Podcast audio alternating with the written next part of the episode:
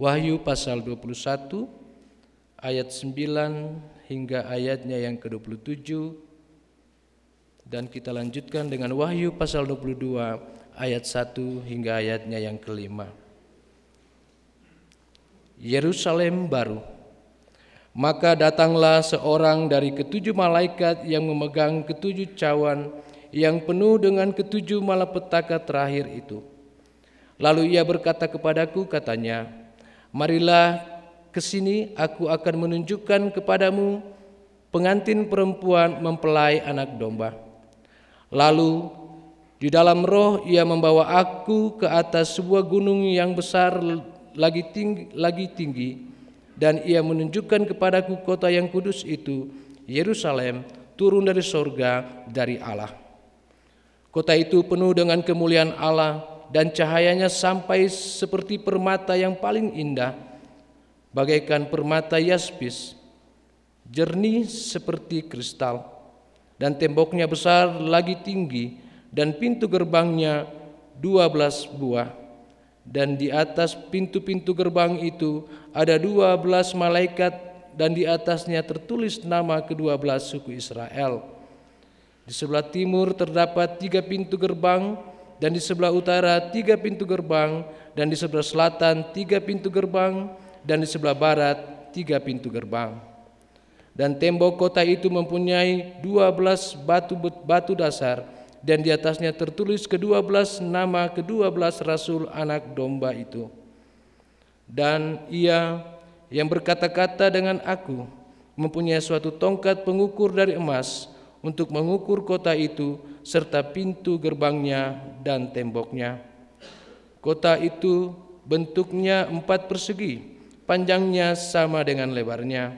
Dan ia mengukur kota itu dengan tongkat itu, dua belas, dua belas ribu stadia, panjangnya dan lebarnya dan tingginya sama.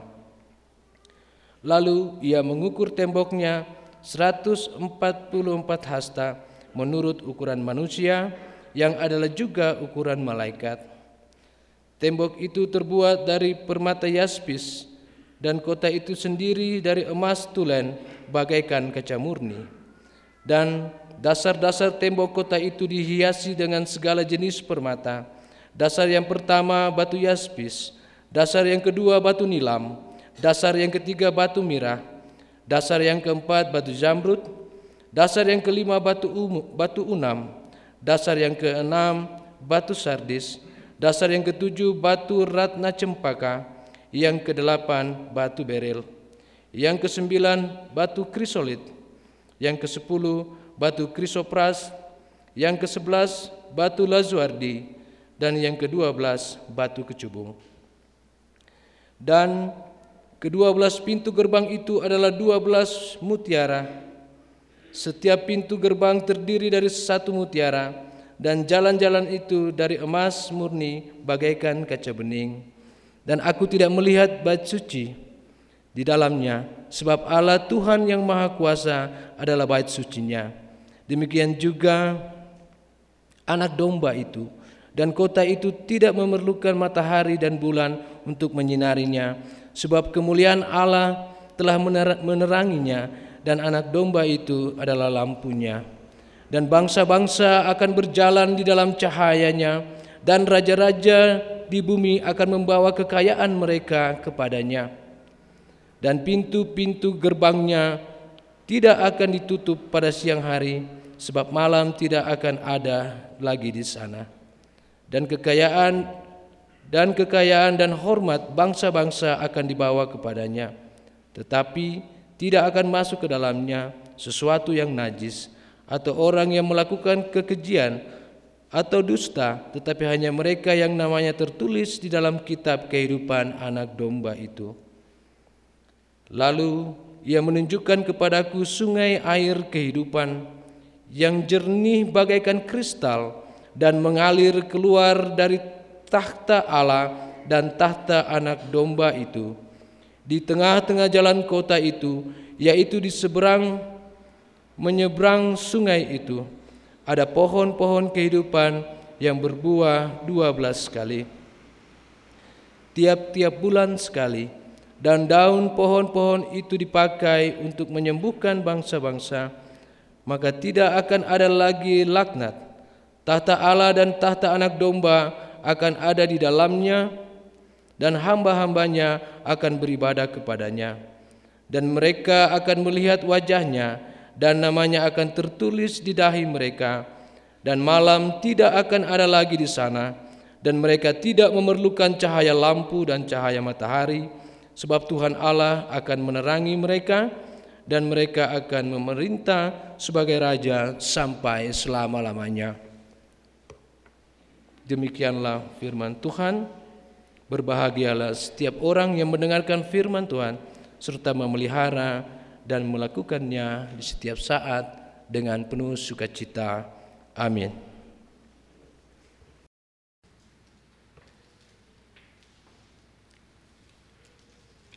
Wahyu pasal 21 ayat 9 sampai dengan 22 ayatnya yang kelima.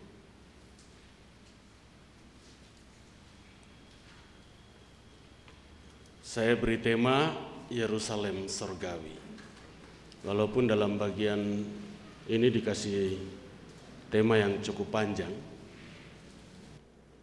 tapi saya berikan yang singkat saja, Yerusalem Sorgawi.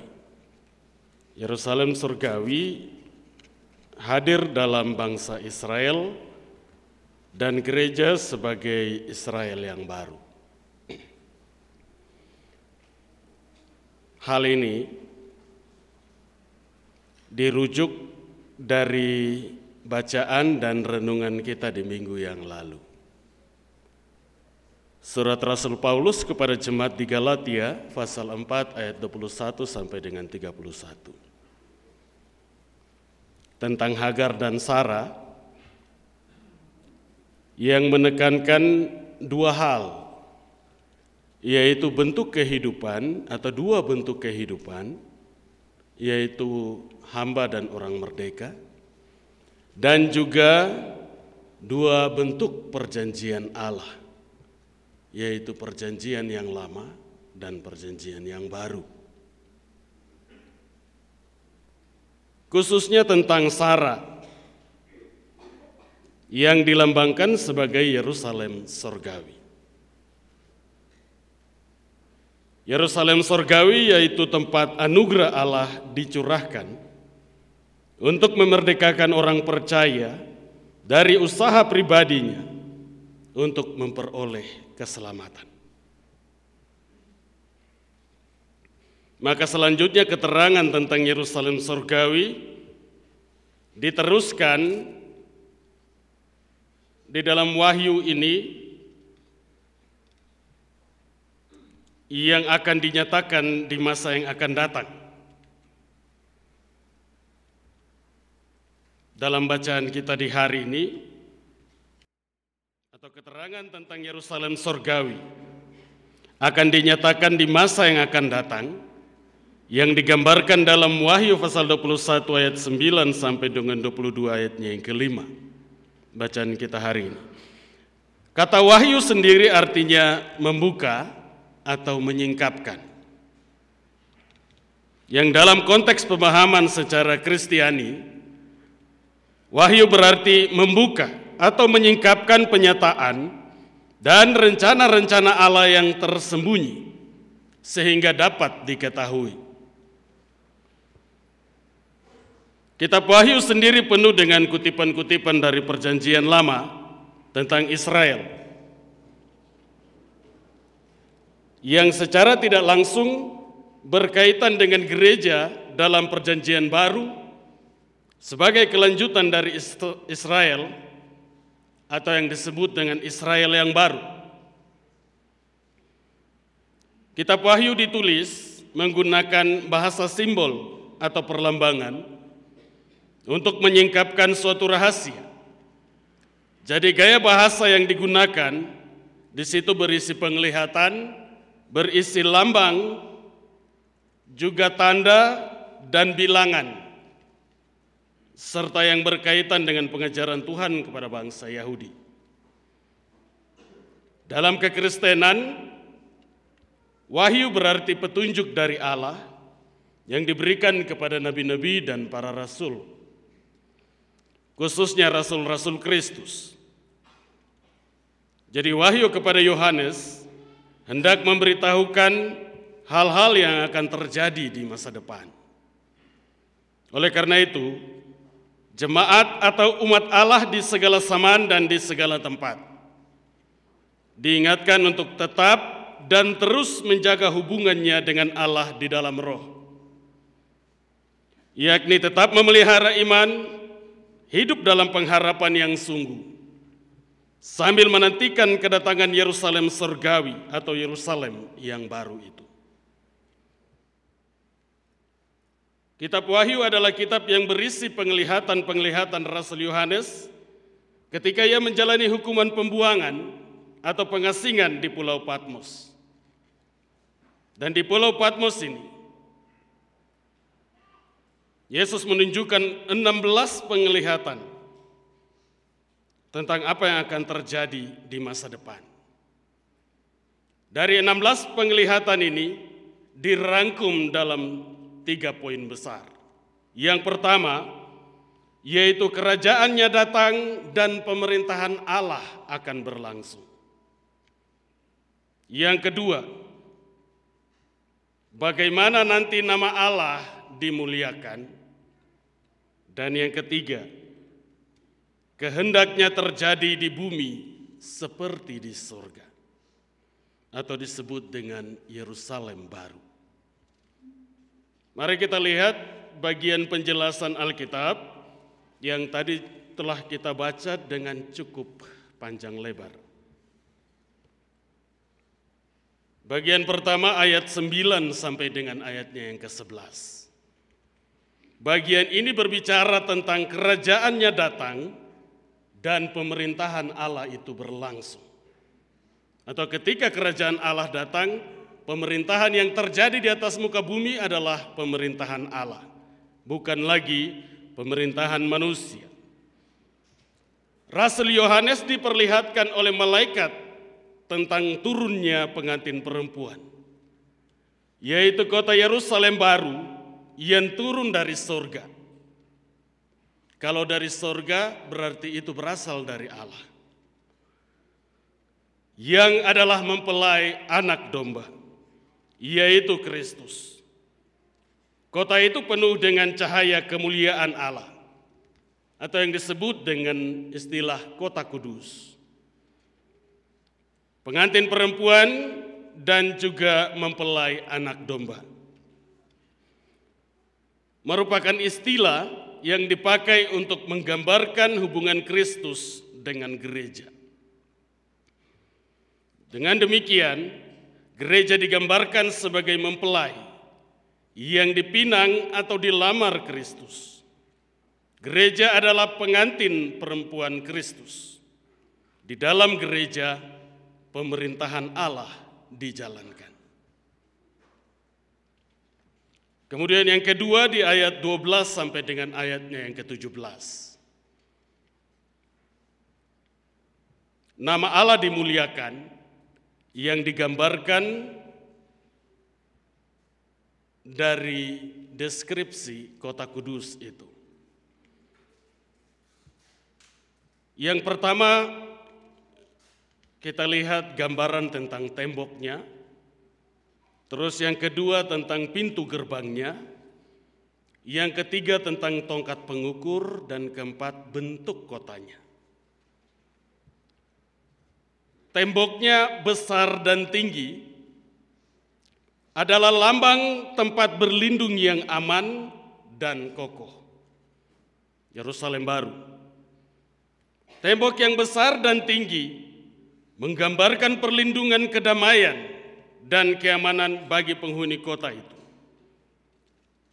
Dan tembok yang besar dan tinggi untuk memelihara berkat dan karunia Allah. Seringkali ini digambarkan dalam hal memberikan persembahan persepuluhan. Ketika memberikan persembahan persepuluhan, maka kita ibarat sedang membangun tembok di sekeliling kehidupan dan kerja kita. Semakin kita rutin memberikan persembahan persepuluhan, maka tembok yang kita bangun itu semakin tinggi dan semakin melindungi kita di dalam. Sehingga tidak ada kecelakaan, kemalangan, sakit, penyakit yang masuk merongrong kita di dalam. Terus berkat yang kita percaya turun dari atas dari Allah akan kita nikmati sepenuhnya. Tidak akan tercecer.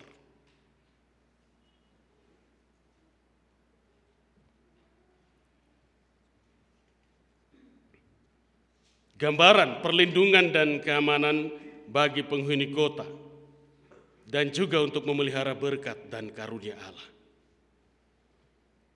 Kemudian tembok itu mempunyai 12 batu dasar sebagai fondasi yang melambangkan kota ini dibangun di atas dasar ke-12 Rasul Kristus yang sesuai dengan ke-12 suku Israel. Ukurannya sama, baik tingginya, ketebalannya maupun panjangnya. Yang berarti bahwa ke-12 Rasul Kristus itu diberikan tugas yang sama dan juga memperoleh upah yang sama. Tidak ada yang berbeda atau tidak ada yang lebih, tetapi upahnya sama. Keadilan Kristus terjadi. Ukuran yang sama oleh malaikat, ukuran yang sama oleh manusia, yaitu keadilan Kristus.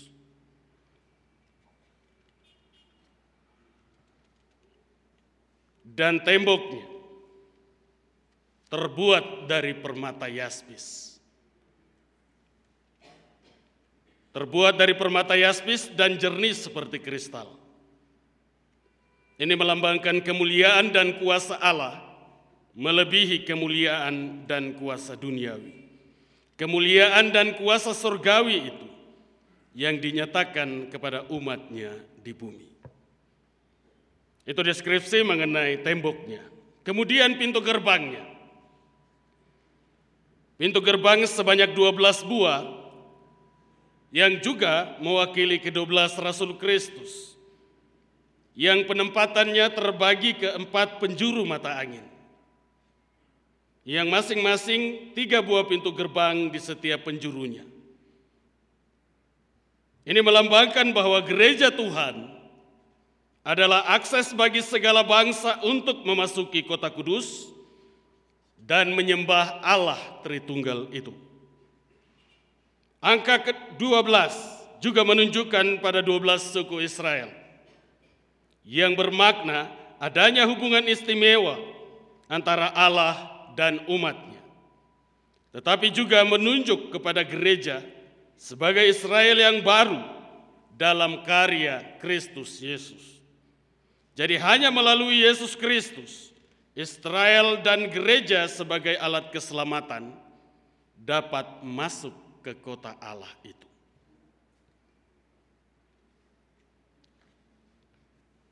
Pintu gerbangnya yang 12 buah ini terbuat dari mutiara. Itu melambangkan kekuasaan, kekayaan, dan keagungan Sang Pencipta dan pintu gerbangnya tidak pernah tertutup. Tidak pernah tertutup adalah lambang dari kasih dan kemurahan Allah tersedia bagi setiap orang yang mau bertobat. Hanya untuk orang yang mau bertobat. Kemudian yang ketiga adalah tongkat pengukur. Yang terbuat dari emas, tongkat pengukur yang terbuat dari emas, adalah lambang kuasa, kemuliaan, dan keadilan Allah yang berlaku di dalam kota kudus itu. Sebab dialah sang gembala yang memelihara dan menjaga hidup umatnya. Tidak ada lagi sakit penyakit di sana, kemalangan, penderitaan, dan juga kematian. Dan yang berikut adalah bentuk kota kudus itu. Kota kudus itu berbentuk empat persegi dengan ukuran yang sama. Itu adalah lambang dari kesempurnaan dan kekudusan. Menurut orang Yunani, segi empat adalah lambang dari kesempurnaan. Dan keempat persegi juga mewakili empat arah mata angin yang berarti seluruh bumi. Tetapi juga untuk mengingatkan tempat maha kudus bait Allah pada zaman purba. Jadi kota ini adalah tempat kudus Allah. Ukuran yang dipakai adalah ukuran manusia dan ukuran malaikat. Yang menggambarkan hubungan manusia dengan Allah. Itu poin pertama tentang poin yang kedua tentang nama Allah dimuliakan adalah gambar dan kota kudus itu. Dan yang ketiga di ayat 22 sampai dengan 26 tentang kehendaknya terjadi di bumi seperti di sorga.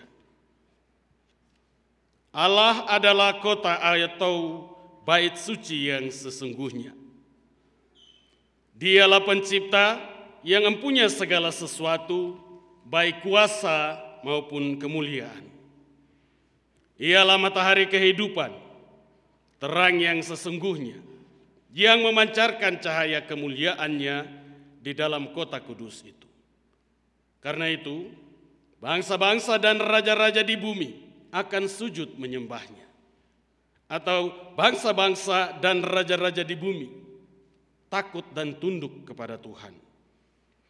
Kemudian berjalan dalam terangnya, berarti bangsa-bangsa dan raja-raja ini akan bertobat, kembali menyembah Allah, serta mengakui kekuasaan, kekayaan, dan keagungannya. Dan yang dapat memasuki kota itu ialah orang yang namanya tertulis di dalam kitab kehidupan anak domba. Tetapi orang najis, yaitu mereka yang melakukan kekejian dan para pendusta, tidak akan masuk ke dalamnya. Kemudian penjelasan dari Wahyu pasal 22 ayat 1 sampai dengan 5. Ini juga menjelaskan tentang isi yang ada di dalam kota kudus itu. Kehadiran Allah di tengah umatnya memberi berkat dan melayakan untuk memerintah bersama Kristus selama-lamanya. Kepada Yohanes ditunjukkan air kehidupan yang menggambarkan kehadiran Allah dan pemikiran yang murni dan rohani. Pohon-pohon kehidupan menggambarkan kuasa Allah yang menghidupkan dan menyembuhkan. Tidak ada lagi laknat, tidak ada lagi kutuk, Artinya sesuatu yang najis tidak diperbolehkan memasuki kota Allah yang kudus. Tujuannya ialah agar penghuni kota dapat melihat wajah Allah dan namanya tertulis di dahi mereka. Dalam hati dan hidup mereka selama-lamanya. Mereka yang mati akan dibangkitkan dan dihidupkan kembali dan bersama dengan semua orang kudus akan memerintah bersama Kristus sebagai Raja seribu tahun lamanya.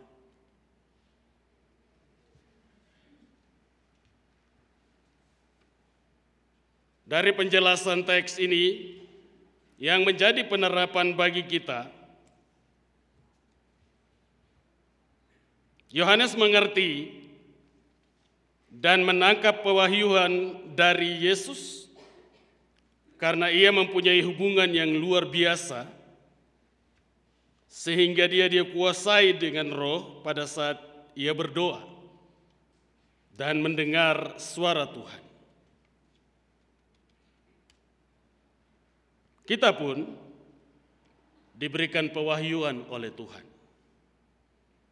Setiap orang juga diberikan pewahyuan oleh Tuhan.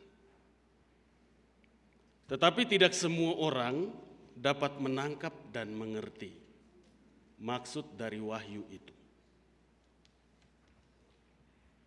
Mengapa demikian? Pertama, karena kita tidak mempunyai kemauan. Kekristenan hanya sebagai simbol dan lambang. Pertemuan-pertemuan ibadah hanya kalau ada waktu.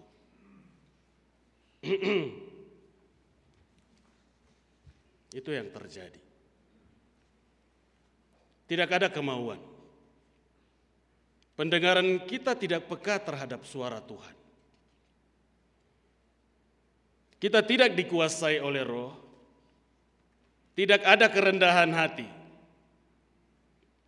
Kita tidak belajar memahami kebenaran Injil dengan sungguh-sungguh, dan tidak takut akan Tuhan.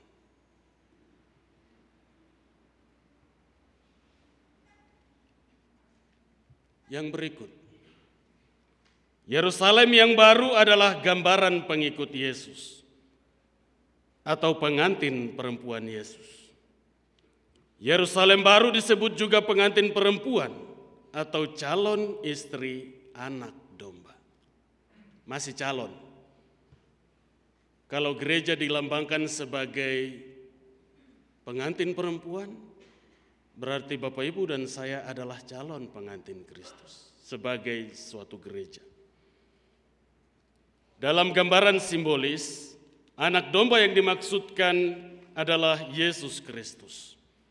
Calon istri anak domba atau pengantin perempuan Kristus adalah orang percaya yang tinggal bersama Yesus di surga.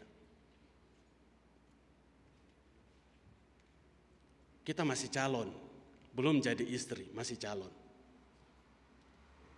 Yang nanti masuk ke kota kudus adalah istri. Siapa yang bertelinga dia akan mendengar. Alkitab menyebabkan hubungan Yesus dan orang percaya sebagai hubungan suami istri. Karena itu kemarin di Galatia 4 dikatakan Hagar bukan perempuan merdeka, Hagar seorang hamba. Yang perempuan merdeka adalah Sarah karena ia berstatus sebagai seorang istri dan berhak untuk melakukan segala sesuatu. Selain itu, Yerusalem baru mempunyai 12 fondasi yang bertuliskan masing-masing nama dari kedua belas suku Israel dan juga kedua belas rasul. Ini artinya orang Kristen yang dipilih untuk hidup di sorga, hidup dan dibangun di atas fondasi para rasul dan para nabi, yaitu gereja Tuhan. Jadi kalau Anda mau beribadah ke gereja atau persekutuan terus memberikan banyak alasan, ya hakmu untuk masuk ke dalam kerajaan sorga itu sedang dipertimbangkan. Karena status kita masih calon istri. Di tengah jalan bisa berubah. Di tengah jalan menuju pemberkatan nikah di gereja itu bisa berubah saat itu juga. Yerusalem yang baru adalah bagian dari suatu pemerintahan kota Yerusalem yang adalah ibu kota Israel, tempat Raja Daud dan putranya Salomo serta keturunannya memerintah. Kota Yerusalem disebut kota suci yang melambangkan pemerintahan Allah yang berasal dari garis keturunan Daud. Yerusalem baru digambarkan turun dari sorga yang berasal dari Allah yang menggunakan kota itu untuk menunjukkan kekuasaannya di bumi. Jadi Yerusalem yang baru berhubungan dengan kerajaan Allah yang digunakan untuk memenuhi kehendaknya di dalam bumi ini seperti di dalam sorga. Dan yang terakhir, Yohanes dibuang di Pulau Patmos karena memberitakan firman Allah. Karena kesetiaannya pada kebenaran Injil. karena kepercayaannya dan pengharapannya dalam Kristus. Karena itu gereja dan orang Kristen dipanggil untuk mengikuti jejak kesetiaan Rasul Yohanes. Setiap orang percaya kita dipanggil untuk menjadi pemberita Injil di dalam dunia. Tuhan Yesus menyempurnakan bagian firman ini memberkatinya dan memberkati jemaat Tuhan sekalian. Amin. Marilah kita berdoa.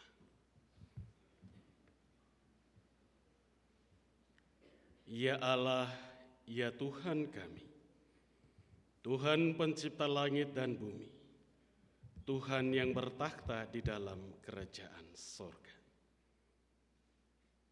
Inilah kami umatmu bersama sebagai suatu persekutuan di dalam jemaat dan gereja Tuhan.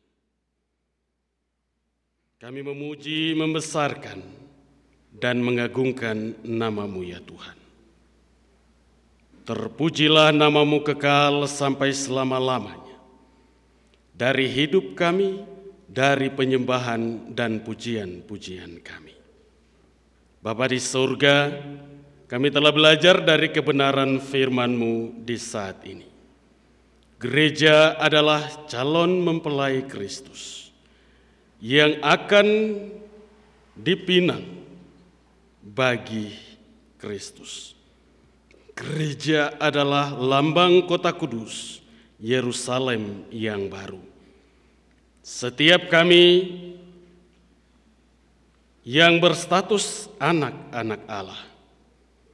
Kami diminta untuk setia taat di dalam menyatakan kasih dan kemurahan Allah, hidup bersekutu dan saling melayani di antara kami. Sehingga janji tentang Yerusalem yang baru itu akan menjadi warisan kehidupan kami. Tuhan jaga dan pelihara hati dan kehidupan kami agar kami tidak bertingkah sebagai orang-orang yang najis. Tapi oleh kuasa rohmu yang kudus, kami dipimpin untuk hidup kudus di hadapan Allah. Sehingga nama kami tercatat di dalam buku kehidupan anak domba. Dan kami pun mewarisi kerajaan Allah di Yerusalem yang baru yang Tuhan nyatakan bagi kami meteraikan dan sempurnakan firman-Mu bagi kami, ya Tuhan. Agar dengan pengetahuan ini, kami boleh terus bertumbuh di dalam iman, percaya, dan pengenalan kami kepadamu, ya Tuhan. Sehingga iman percaya ini terus memandu kehidupan kami dalam aktivitas kami tiap-tiap hari, sehingga kehidupan kami memancarkan kasih dan kemuliaan Kristus. Dan ketika banyak orang menyaksikan perilaku dan cara kehidupan kami, mereka pun memuji dan memuliakan namamu. Ya Bapa di surga, sebagai suatu persekutuan, kami datang menyatakan syukur dan sukacita kami melalui pujian dan penyembahan-penyembahan kami. Tetapi juga kami membawa segala sesuatu yang kami peroleh dari penghidupan kami. Kami bawa dan kami persembahkan untuk hormat dan kemuliaan namamu ya Tuhan. Inilah tanda syukur kami. Inilah tanda kami berpartisipasi di dalam membangun tubuh Kristus.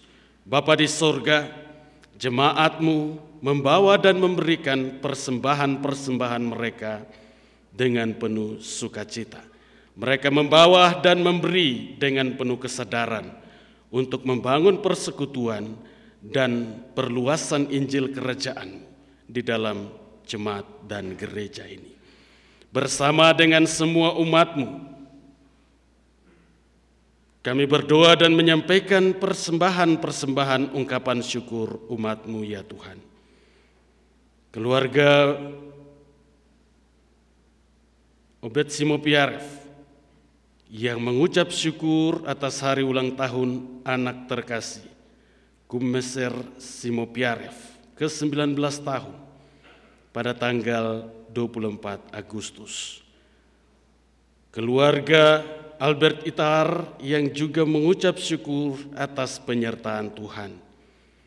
Dan keluarga-keluarga serta pribadi-pribadi yang mengucap syukur atas peristiwa kehidupan yang mereka alami.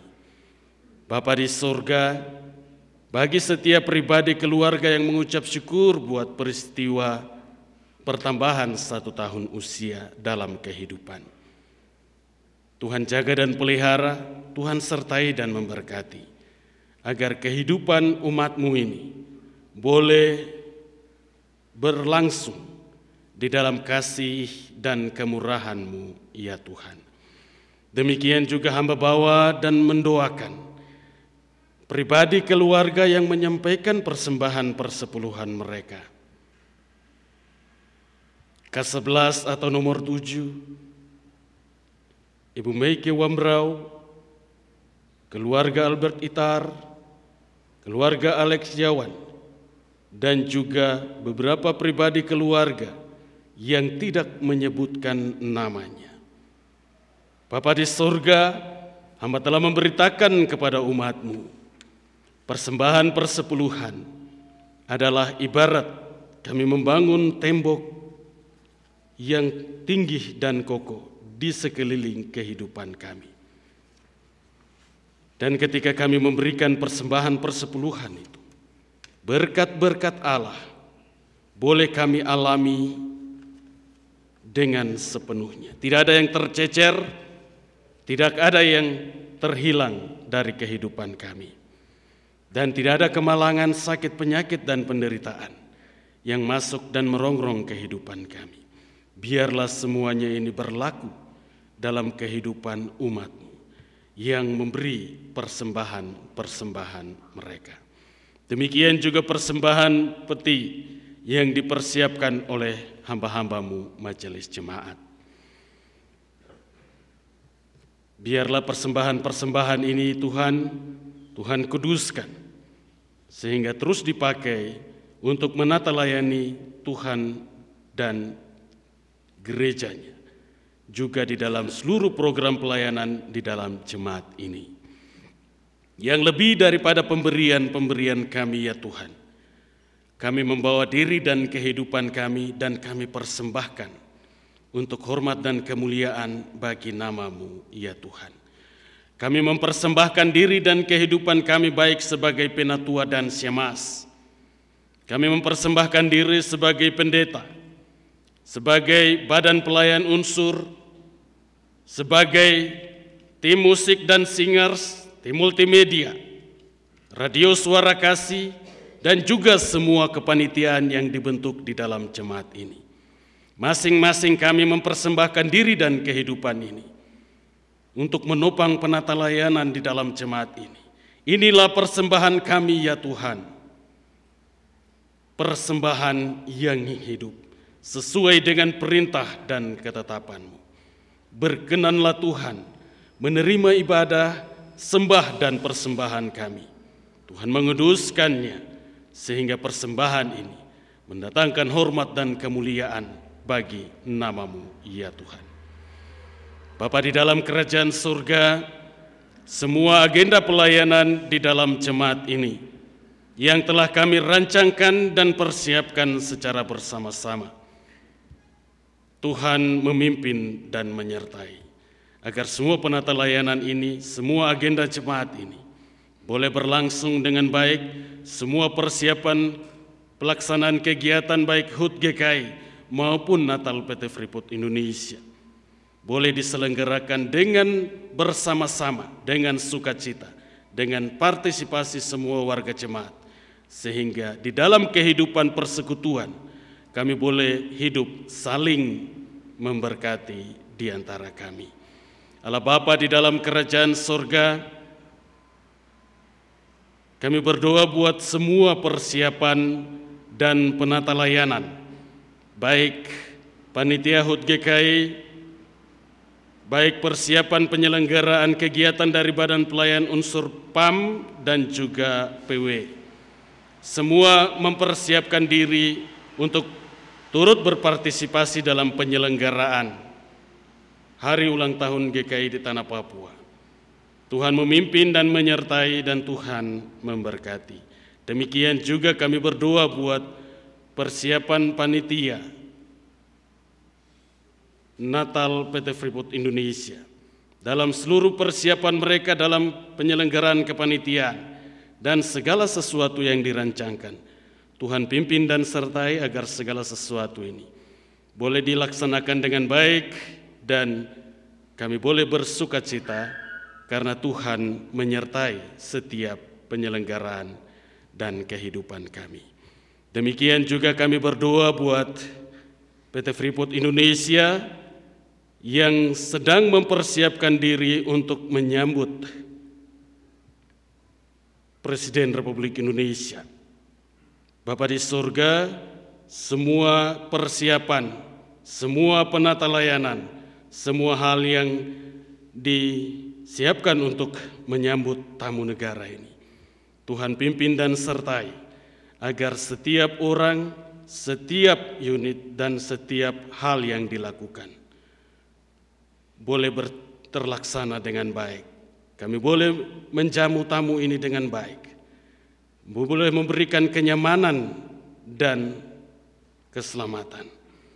Sehingga bentuk dari iman percaya kami boleh kami praktekkan di dalam saling menata layani. Kami berdoa buat perusahaan ini, baik PT Freeport Indonesia maupun kontraktor dan privatisasi, pimpinan dan karyawan, karyawati. Semuanya kami berdoa menyerahkan mereka ke dalam tangan kasih-Mu. Di dalam seluruh tugas tanggung jawab mereka, di dalam pekerjaan-pekerjaan mereka, Tuhan jaga dan pelihara, Tuhan sertai dan memberkati. Demikian juga setiap pribadi, instansi yang turut terlibat di dalam mempersiapkan seluruh penata layanan di dalam area kerja ini. TNI Polri, para guru, para medis, semua orang. Tuhan perlengkapi mereka dengan roh dan hikmat-Mu, dengan kekuatan dan kesehatan.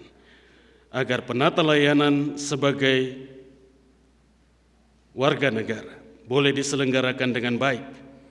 Dan daripadanya nama Tuhan terus dipuji dan dipermuliakan. Kami berdoa juga buat tujuh suku dalam seluruh aktivitas kehidupan mereka. Tuhan sertai, Tuhan lindungi dan memberkati. Semua warga jemaat ini di dalam status dan fungsi mereka masing-masing. Di dalam keluarga dan rumah tangga, di dalam lingkungan sosial dan pekerjaan-pekerjaan mereka. Sebagai suami, istri, anak-anak, dalam jabatan fungsinya di perusahaan dan di dalam kelompok-kelompok sosial kemasyarakatan. Pakai mereka sebagai alatmu ya Tuhan untuk menjadi contoh dan teladan Kristus dan memberitakan firman melalui perilaku, cara hidup, serta tanggung jawab dan jabatan yang melekat pada mereka. Sehingga hidup dan kehidupan kami sekalian boleh menyatakan kasih dan kemurahan-Mu ya Tuhan. Kami berdoa bagi setiap warga jemaat yang sedang bekerja di hari ini. Tuhan sertai dan lindungi dan Tuhan memberkati kehidupan dan pekerjaannya. Yang sedang menjalani cuti, Tuhan sertai dan lindungi masa cuti yang dilalui dengan baik dan Tuhan mengantarkannya kembali dengan selamat sampai tiba di job site ini juga dalam keadaan selamat yang sementara berbeban berat karena sakit penyakit, karena berbagai-bagai hal yang membebani kehidupan mereka yang sedang menjalani karantina ataupun isolasi mandiri. Bapak di sorga, ini adalah umatmu. Sebagai gereja, sebagai persekutuan jemaat, kami belum dapat mengunjungi dan melawat mereka dengan baik. Kami minta Tuhan turut campur tangan, mengunjungi dan melawat hamba-hambamu ini. Jama bagian tubuh yang mengalami kesakitan itu, Tuhan pulihkan dari berbagai-bagai pergumulan yang dialami. Agar mereka boleh memperoleh kekuatan dan kesehatan, mereka boleh dihibur dan dikuatkan, dan kembali melaksanakan tugas dan tanggung jawabnya. Bapa di sorga, inilah kehidupan kami sebagai suatu persekutuan umatmu. Sertai kehidupan kami di hari hidup dan minggu kerja yang akan kami masuki. Kami percaya segala sesuatu yang baik telah Tuhan sediakan bagi kami di minggu kerja yang baru. Dengan iman dan pengharapan itulah kami mempersiapkan diri dan kehidupan kami menyambut hari hidup dan minggu kerja yang baru dengan penuh sukacita. Kiranya kasih, sukacita, serta damai dan sejahtera, perlindungan dan pemeliharaan, serta berkat-berkat Allah mewarisi kehidupan kami di hari hidup dan minggu kerja yang baru. Segala hal yang ingin kami pohonkan, yang ingin kami doakan, tetapi tidak sempat keluar dari mulut dan bibir kami. Kami percaya Rohmu yang kudus akan menyampaikannya dengan lebih sempurna. Demikian juga jemaatmu dari tempat duduk mereka masing-masing. Mereka yang sedang berdoa menyampaikan ungkapan syukurnya. Tuhan sempurnakanlah ungkapan syukurnya. Yang sedang bergumul, Tuhan dengarkanlah pergumulan umatmu dan jawablah menurut kehendakmu. Demi kasih Tuhan kami Yesus Kristus, Tuhan dan Kepala Gereja kami, kami berdoa dan bersyafaat kepada Allah Bapa di dalam kerajaan sorga, Allah yang esa. Amin.